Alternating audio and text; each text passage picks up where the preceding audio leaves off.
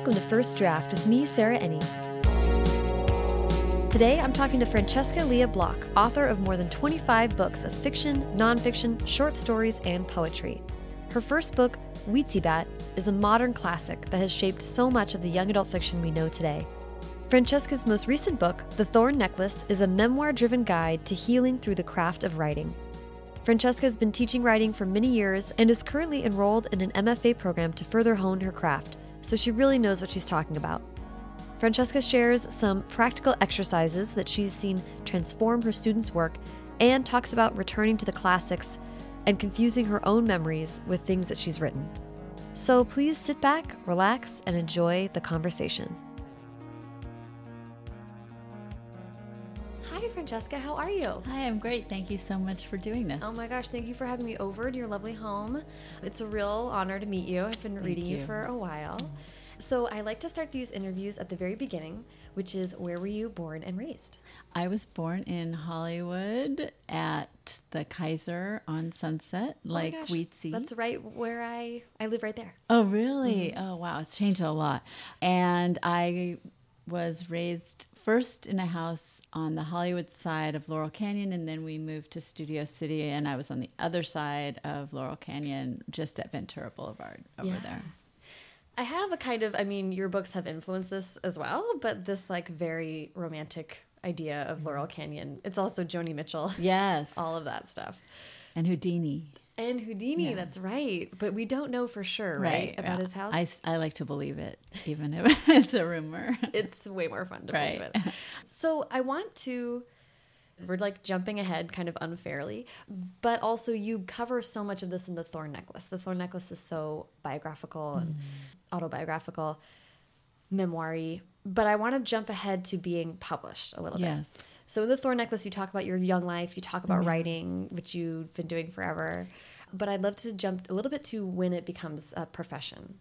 So I was fortunate to have parents who really recognized and supported my interest in writing. And um, because they took it seriously, I took it seriously. And um, when I was at Berkeley, I was writing what I thought was my sort of serious fiction, which was later published. But I was also writing Weetzie Bat as kind of a way to comfort myself and help with the homesickness for LA and my nostalgia for LA. And that was the book that was published first. I had was very fortunate. I gave it to a friend. She gave it to her publisher.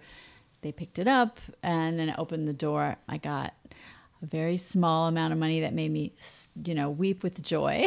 and um, that opened the door for my other books. Yeah. So I actually didn't realize that you started Weetzie while you were away Yes. from LA. That makes so much sense. Well, people have asked me, or I actually ask them, you know, what is it about that picture of LA that affected you?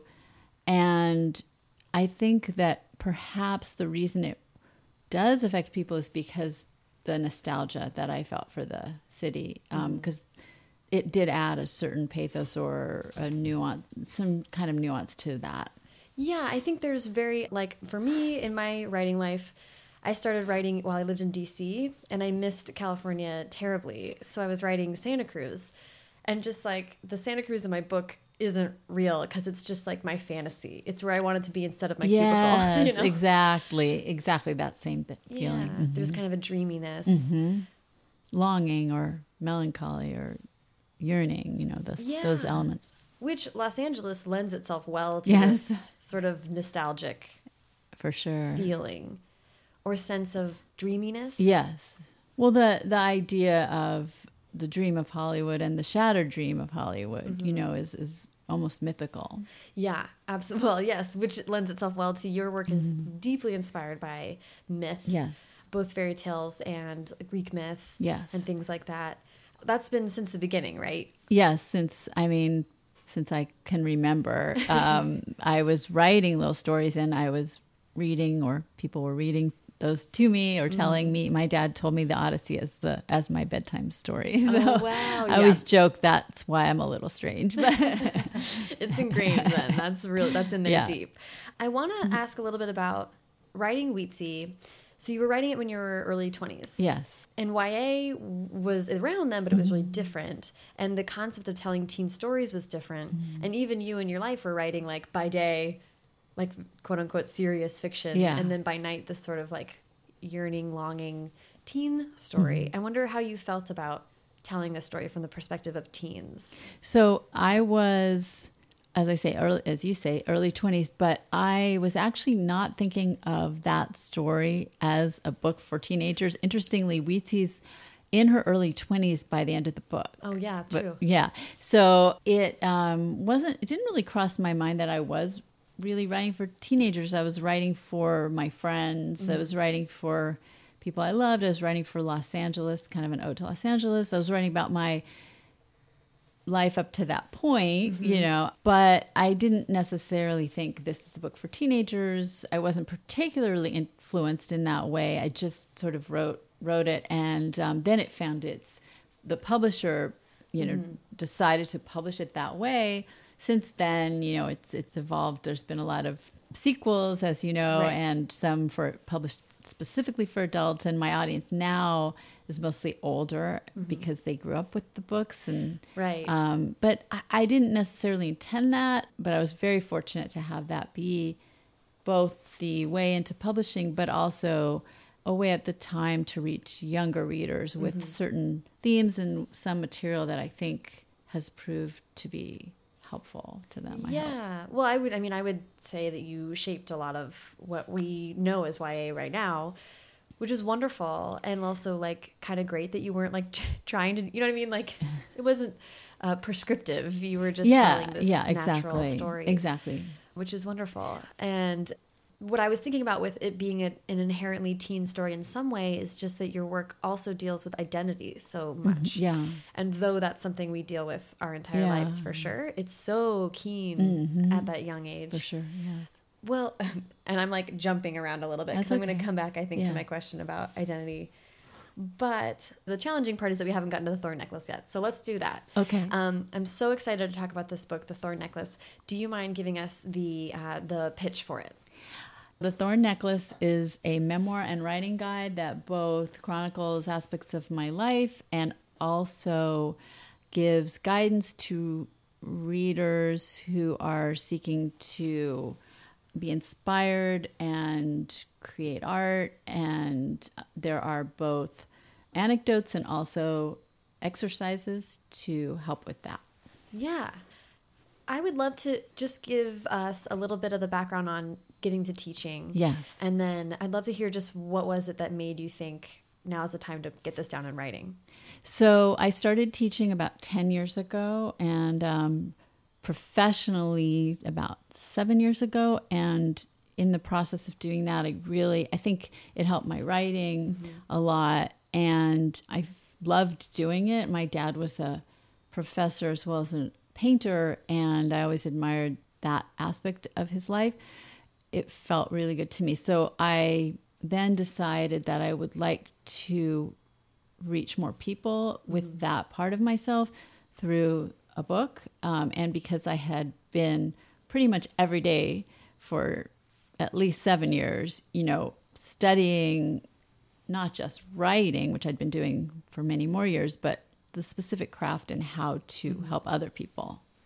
Yeah, and what makes this book stand out is that it's not just it is so much about craft and like daily like practical advice, but it's a memoir based. Yes. Um, so you share a lot of yourself, and it's like the same beautiful prose that we're used to. And it kind of slides in and out of telling your story and then also saying like practical advice.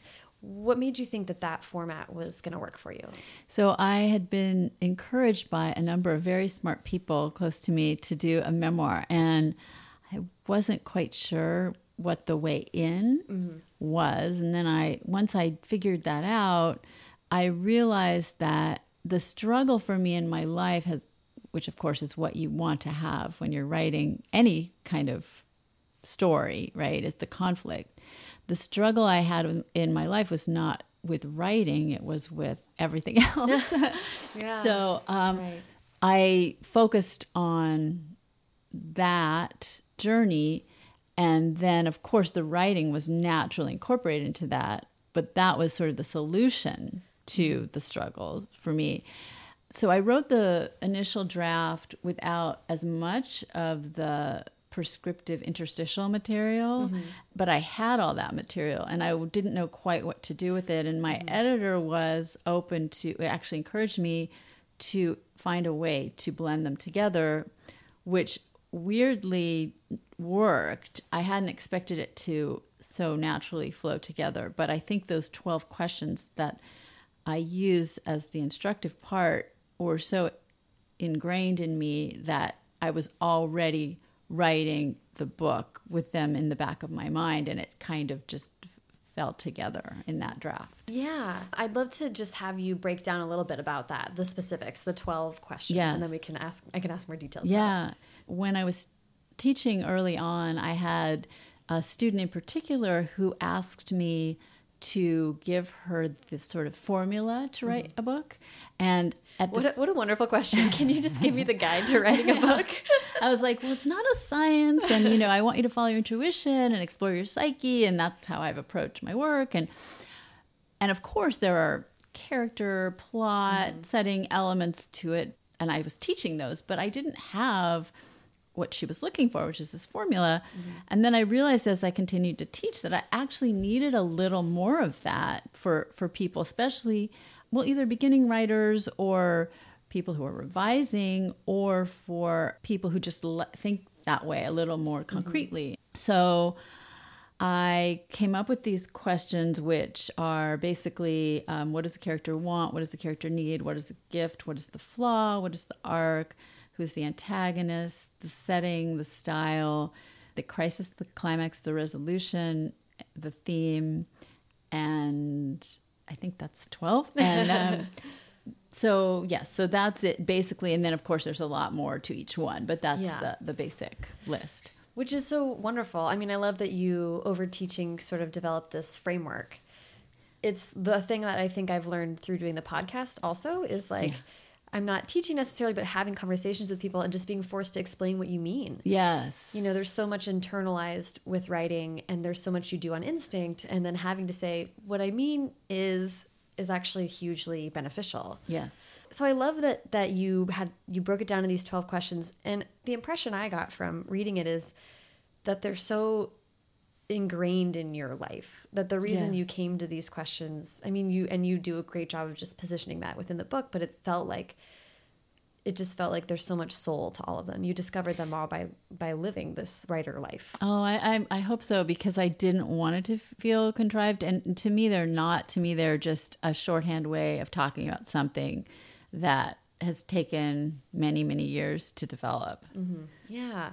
I really loved up top you talk so much about like right out of the gate about mentorship. And you mentioned your dad being a professor. Yeah. i'd love to hear you just talk about that. It's something i've been thinking about a lot lately about how we can as a community help each other. Yes i feel so strongly you know um, so the publishing industry has changed tremendously since i started and it is imperative. This is not just my opinion but you know talking to professionals in, in this field that we like my agent and editors that we support each other because if we're not buying the books, promoting each other's books, reading the books, talking each other up, holding each other up, then really who is going to do it because it is at risk now. Absolutely. You know, I mean, of course, storytelling is always going to be important, but there we have to keep this industry going. So I feel like building this community and supporting each other is very important. And I always try to do it with my students mm-hmm.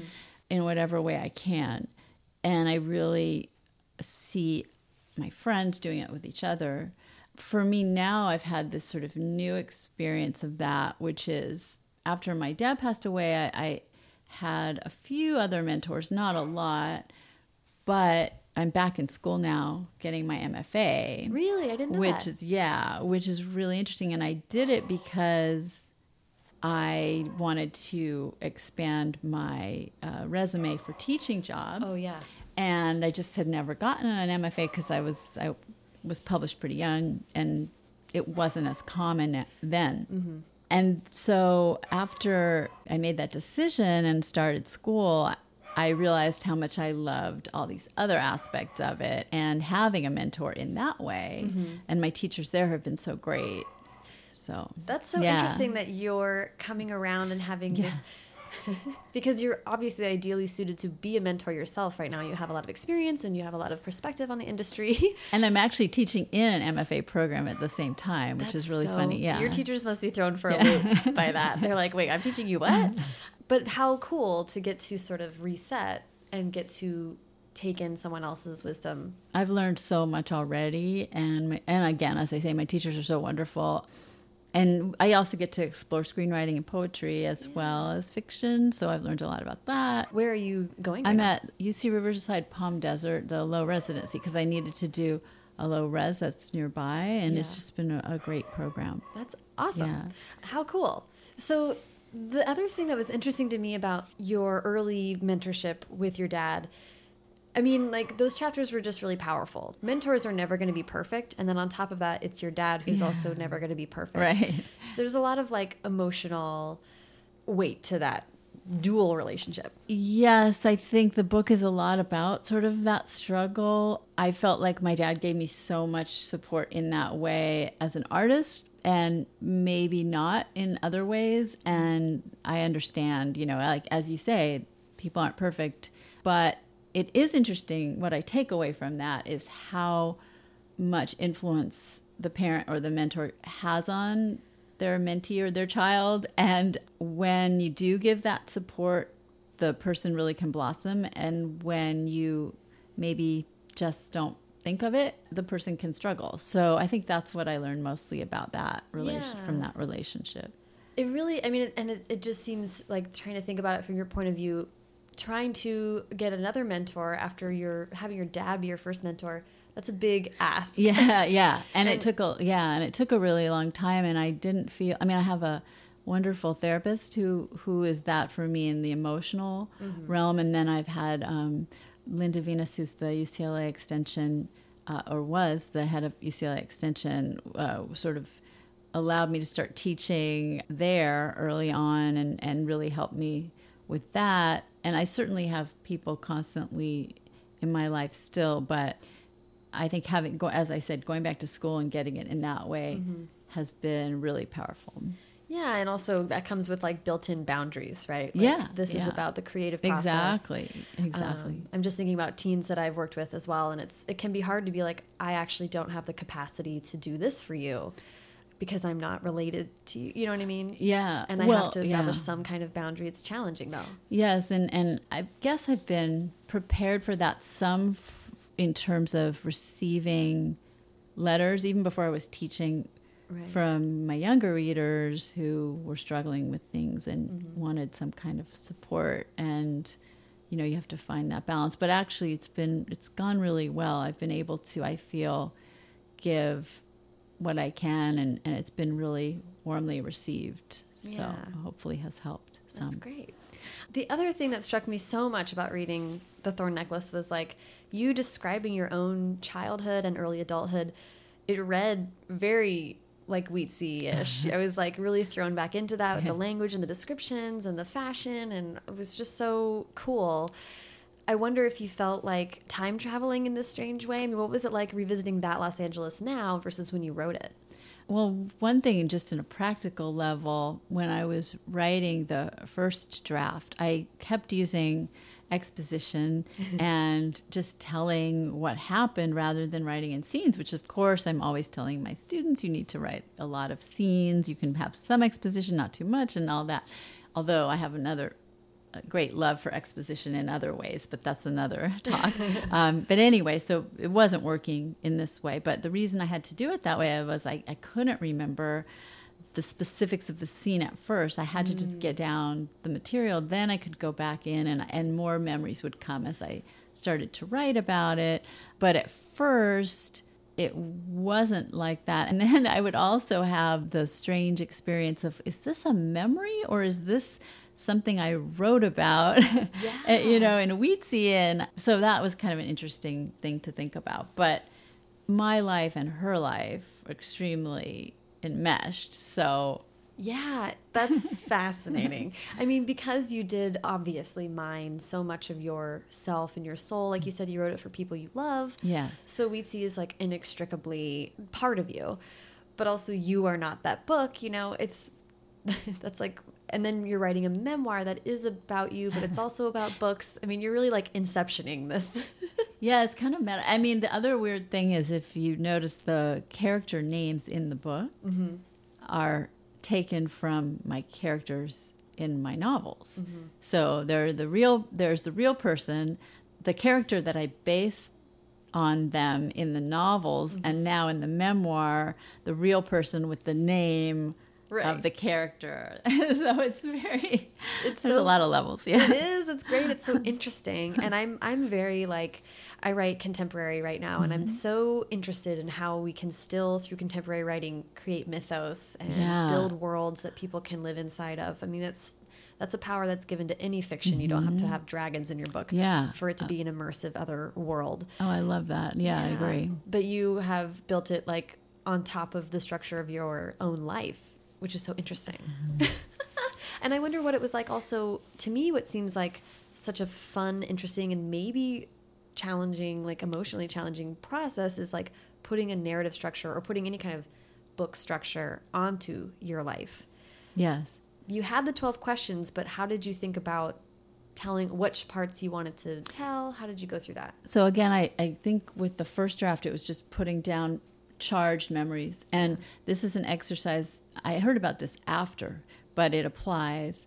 A woman that works with the moth storytelling, mm -hmm. she does a life map where you put your name in the middle and then you draw lines to three or four important sub or categories that are uh, significant to you. For mm -hmm. example, my writing my children, you know, my relationship to my body or whatever. Mm -hmm. And then you would write three or four bullet point kind of scenes from that within those categories. Scenes like memories. Yeah, memory moments scenes. that yeah. Wow. And I kind of did that intuitively. I was writing these moments about these important parts of my life and then then I could look at them and see where they fit together in the bigger picture.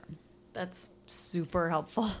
Is it concrete, right? Yeah. Like yeah, and and I liked what she taught was in this talk was so helpful because because it really simplifies it down and I think makes memoir very accessible to everyone. Yeah.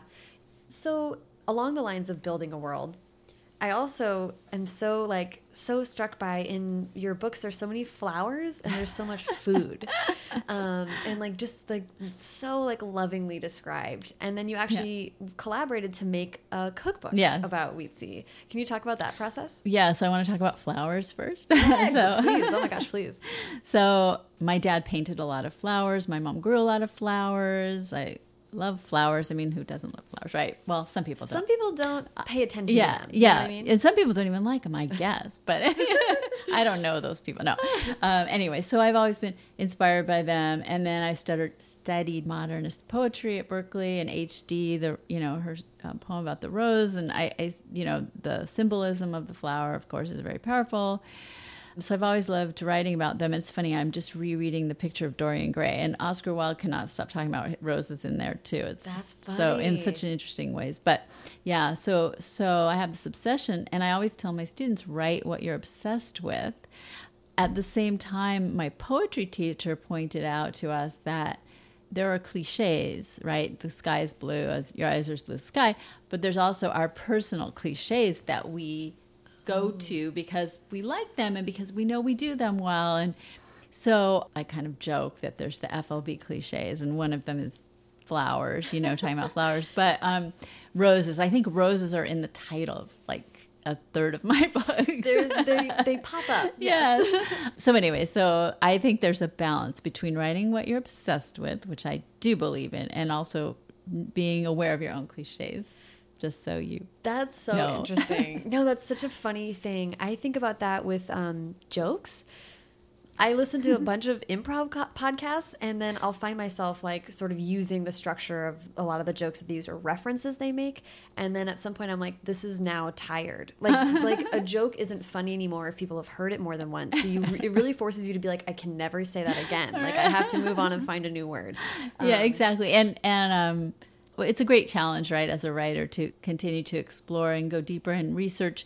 Uh, there was an article I read, and I forget who it's by, but it's it's about not just using the the source, but looking up the historical or the background material, the facts about about a particular object mm. or word. So if you oh. look at oh. and actually in Dorian Gray, that's a perfect example where Oscar Wilde will go. There's this one chapter that's goes into the history of all these objects and historical figures and anyway so i think it's it's going deeper and reaching for something that's a better way to say it or more powerful. And my poetry teacher actually says this too which is called a five deep exercise. And this is uh, jill alexander Essbaum and she talks about picking the first word that comes to your mind and then free associating five other words mm-hmm. that aren't necessarily even the same part of speech. And then putting that in its place mm-hmm. and then seeing where that takes takes it. So yeah. yeah so i could go on and on because i'm a word nerd. But besides the flowers you asked about the food and the cookbook. So i think all the sensual world is very important in my work and the sustenance of food and the charged relationship to food that I've had in my life. I talk about eating disorders in the book somewhat from my past. And then also, the cookbook was a friend of mine who, I mean, people have always said to me, I'd love recipes for these things. And one restaurant in Seattle did an event a long time ago, excuse me, where they made a menu based on them. So she did something similar and, uh, then we ended up just putting this book together and my friend took photos and we did a photo shoot we did this book so it was fun very like homegrown yeah. feeling i mean yeah. like all the all the same things that go along with the food right Sustenance, yeah home, exactly friends. it yeah. felt like this very like natural outgrowth and it was so so much fun the event because i've been really fortunate to have met a lot of people through my work who've mm -hmm. been really supportive and and lend their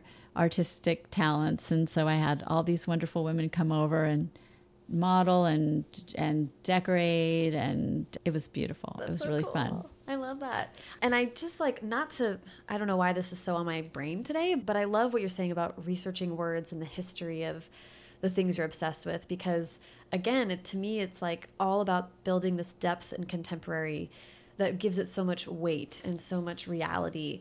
And I was like kind of hesitant to do research for a long time because I was like, I just want to write my experience. But literally, any research you do helps exponentially. So true. I, I am writing a book based on some Egyptian mythology. Mm -hmm. So, of course, I had to do some research, but I find now that the more I do, I just, the book keeps opening more and more. And, but I do find for myself that I do better researching as I'm writing or even after a draft mm -hmm. because I am much more focused when and get less overwhelmed when I know what I'm looking for. That's such a good point. Yeah, tell yourself like I mean that's important to know what the story is you're trying to tell. Yes. And then all the research can benefit that story exactly, instead yeah. of sending you off on a yeah. wild goose chase. And I know people who have books and books of researched material which is I admire and I'm jealous. I wish I could do that, but sometimes they then don't end up writing the book because they get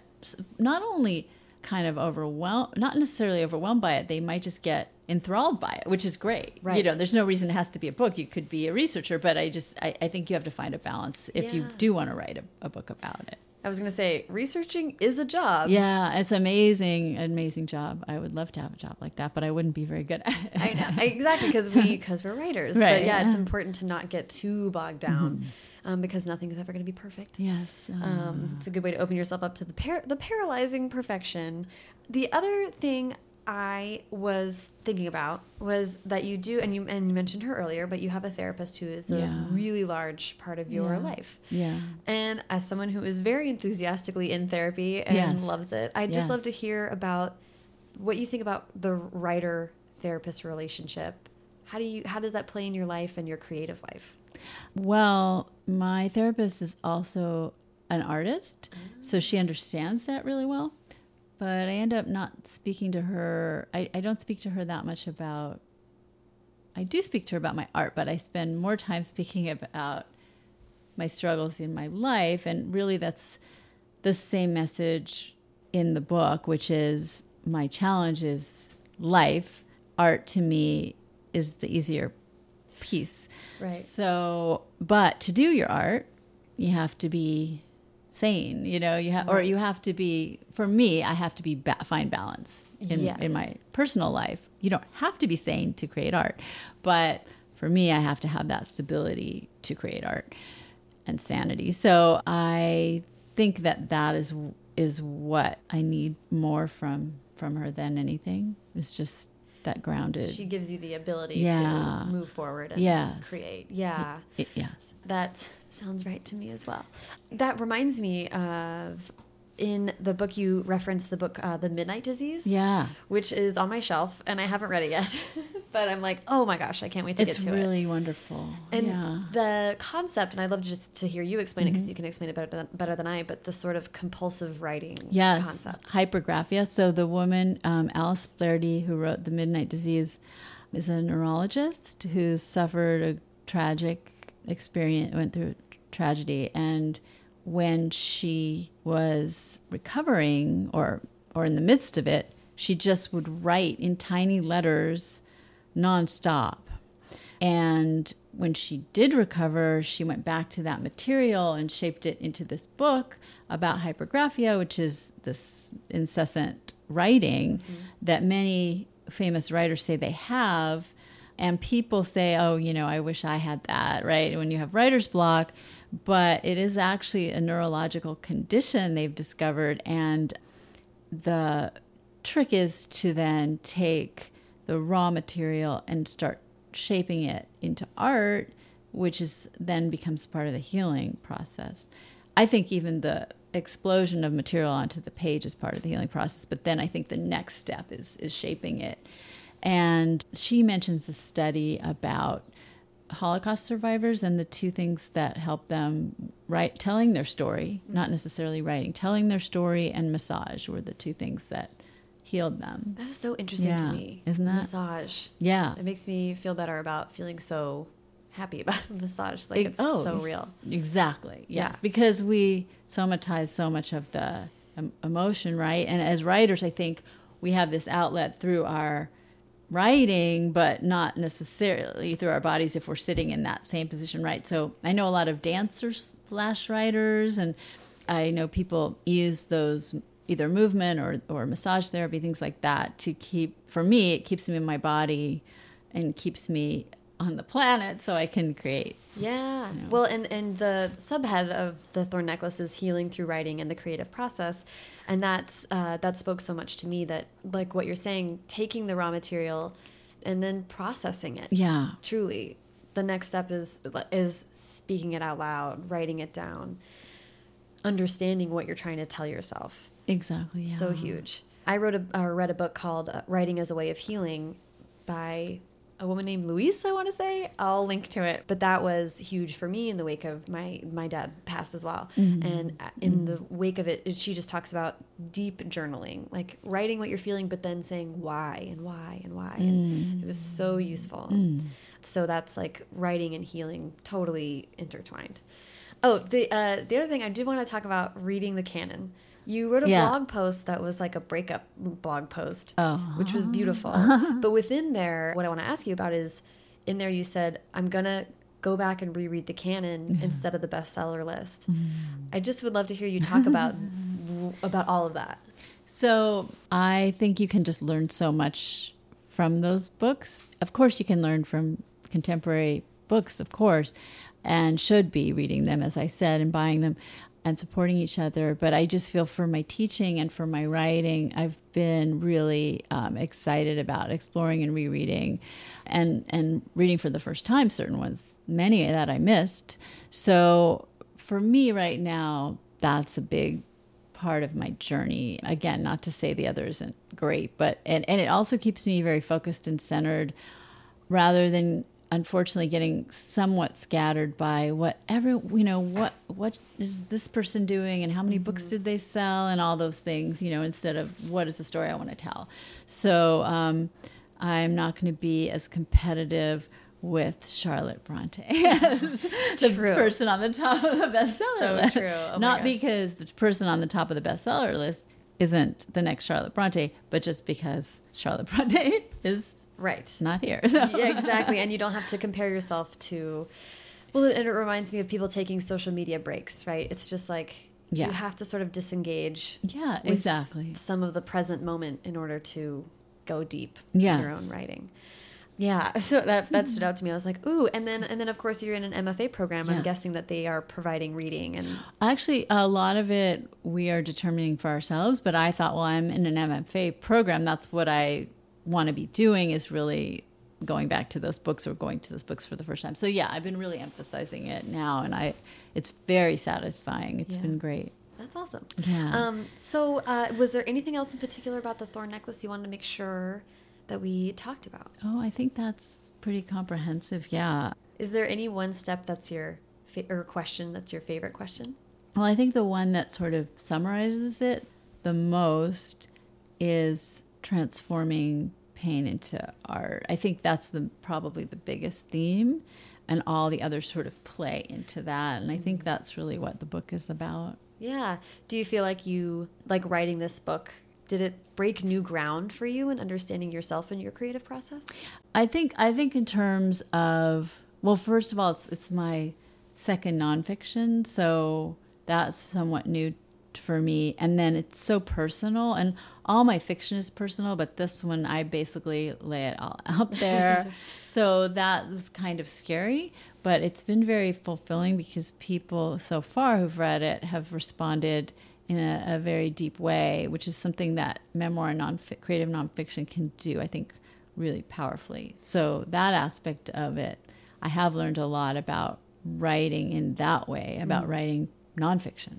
Yeah, that's and it's like books like Bird by Bird and those yeah. kind of seminal yeah. books that people just really like go to over and over, and it's sort of a comforting presence. And I, I, hope I wanted this book to be something that people can return to and that can actually help in some more interactive way.